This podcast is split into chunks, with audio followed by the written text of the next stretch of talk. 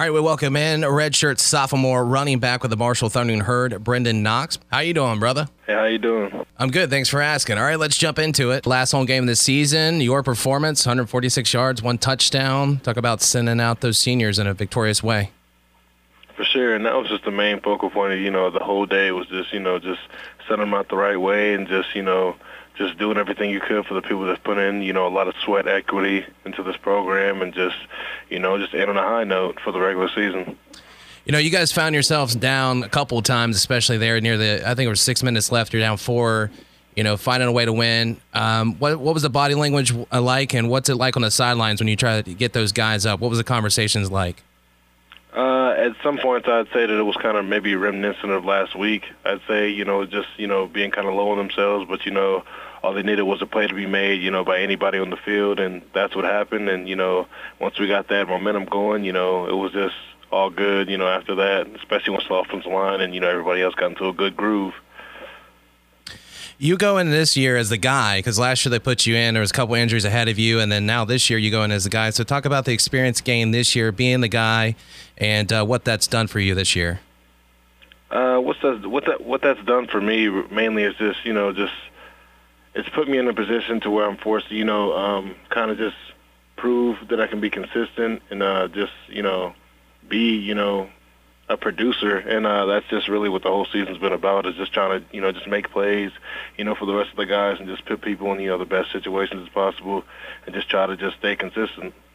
Six 100-yard games this year. Of course, uh, I'm sure you want to give your shout out to that offensive line that's been so experienced and so good for you. But what uh, what allowed you to do those type of performances outside your offensive line? Was it more game film, repetition? What what was it that allowed you to do the, such production at a high level? Outside of the offensive line, uh, mainly I'd really just say uh, a lot of young guys stepping up, especially you know the receiver position, because um, a lot of people you know they don't think that you know receivers would play such a big role in terms of you know um, rushing yards and things of that sort. But you know once they make plays on the outside, it makes it easier for you know things to open up inside, and it uh, creates confidence with the offensive line. You know just to get into a better groove and you know just start mauling people down and wearing them down as games go on. Is it tough as a running back? I know it probably is the patience part because you see that you got to wait for the hole to open up, and that's something you got to learn too as you get older and you play some more uh, some more games. But that's got to be hard for a running back to wait for the hole to actually open up because you want to get that big play.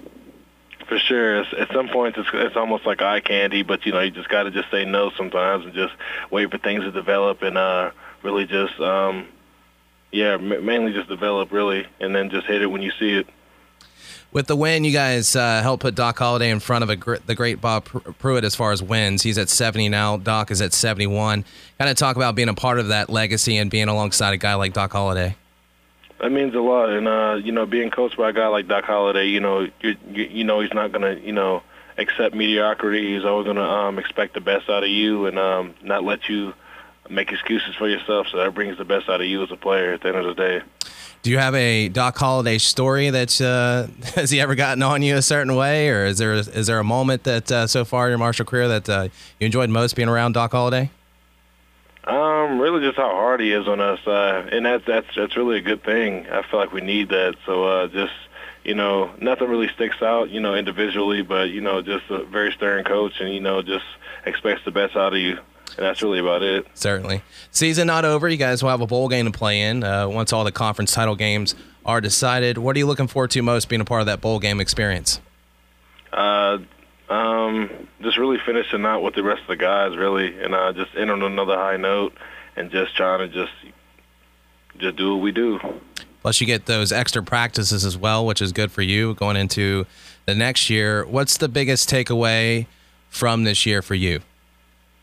Um, the biggest takeaway is not to um, not to really get too low or too high on yourself. I'd say uh, really just just just take things for what they are and just you know stay the course and focus on what you have in front of you at all times. Really.